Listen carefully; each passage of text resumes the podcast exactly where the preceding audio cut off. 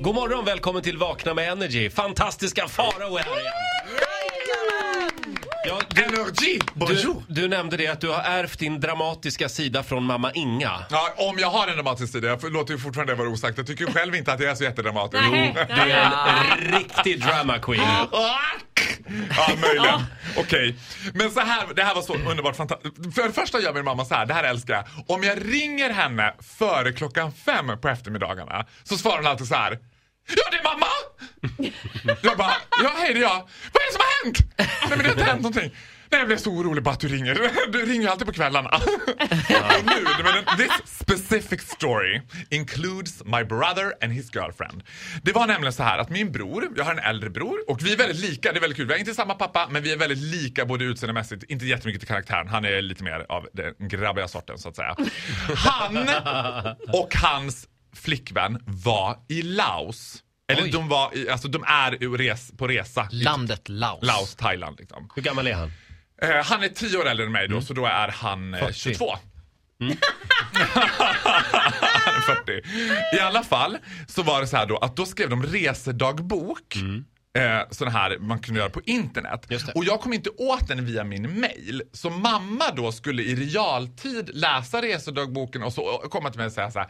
Ja, vet du nu har de åkt sån där linbana och sen har de ju varit ute på sån här trekking med elefant och det så här. Vad mysigt. Sen ringer mamma mig. Du vet. And the Oscar goes to. Du vet, till den nivån. Hon bara. Hej Farao. Det är mamma. Hur är det med dig då? Jag bara. Men mamma vad är det? Är du ensam? Jag bara. Ja, men mamma vad är det som har hänt? Ja, det har hänt något fruktansvärt. Men gud. Och jag bara. Va? Men- Men vadå? Men vadå hänt något fruktansvärt? Ja, det är John och Annie. Och du vet, jag får jag får sån jävla jäkla... Men mamma, hänt? Jag är totalt liksom förstörd. Mamma, vad är det som har hänt? Ja, de har fått avliva katten. Jag bara, va? Vadå? a- Nej men mamma, mamma du får inte hålla på så här. Du skrämmer ju livet ur mig. Vadå avliva? Ja men de älskar ju den där katten! Då är det så att de har varit på resa och då har katten saknat dem så mycket så att den har själv dött. Nej. Jo, det här är sant! En katt Katten kan kan göra det. Ja, men min katt, den där katten tyckte väldigt mycket om min bror. Ja. Så att äh, han har liksom dött av saknad. Liksom. Och det här lägger mamma upp. Alltså jag förstår. Och det bästa är att hon är så oförstående själv för varför det är dramatiskt. Va? Hon tycker inte, hon är, tycker inte att hon är ett dugg dramatisk själv om man frågar henne. Ja, men de älskar ju den där katten! Farao, är du ensam? Ja, men med det intro trodde man ju att någon hade Ja. dött, alltså en människa hade dött. Jag var på väg att börja gråta faktiskt. Ja men, men, så- men tänk paniken när de lägger upp det så. När någon lägger upp och varenda gång jag har gjort slut med en kille, det är också så fint så här. Och, och, och, och så ringde jag hem och var ledsen liksom. Så är mammas första reaktion alltid så här. Slår han dig? Jag bara nej. Vad fan. Du har väl sett de killarna tillsammans med mamma. De är 18 år och väger på sin höjd 60 kilo. Det är inte så att de, Slår han dig?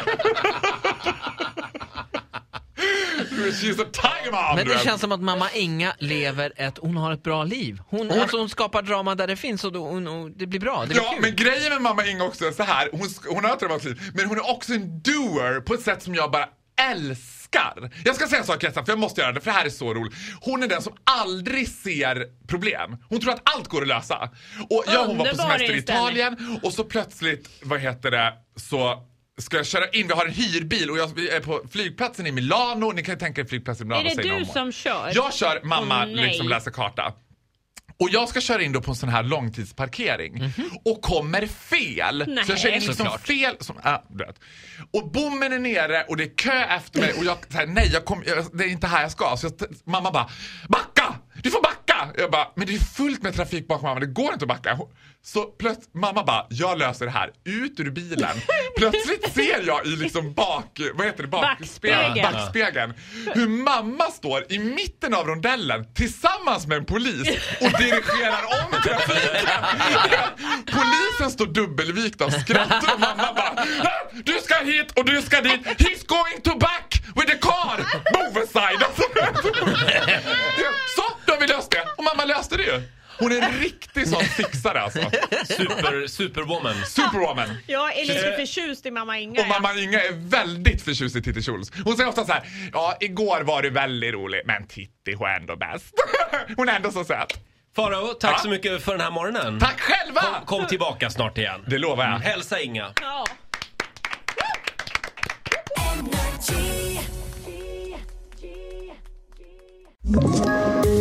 Poddtips från Podplay.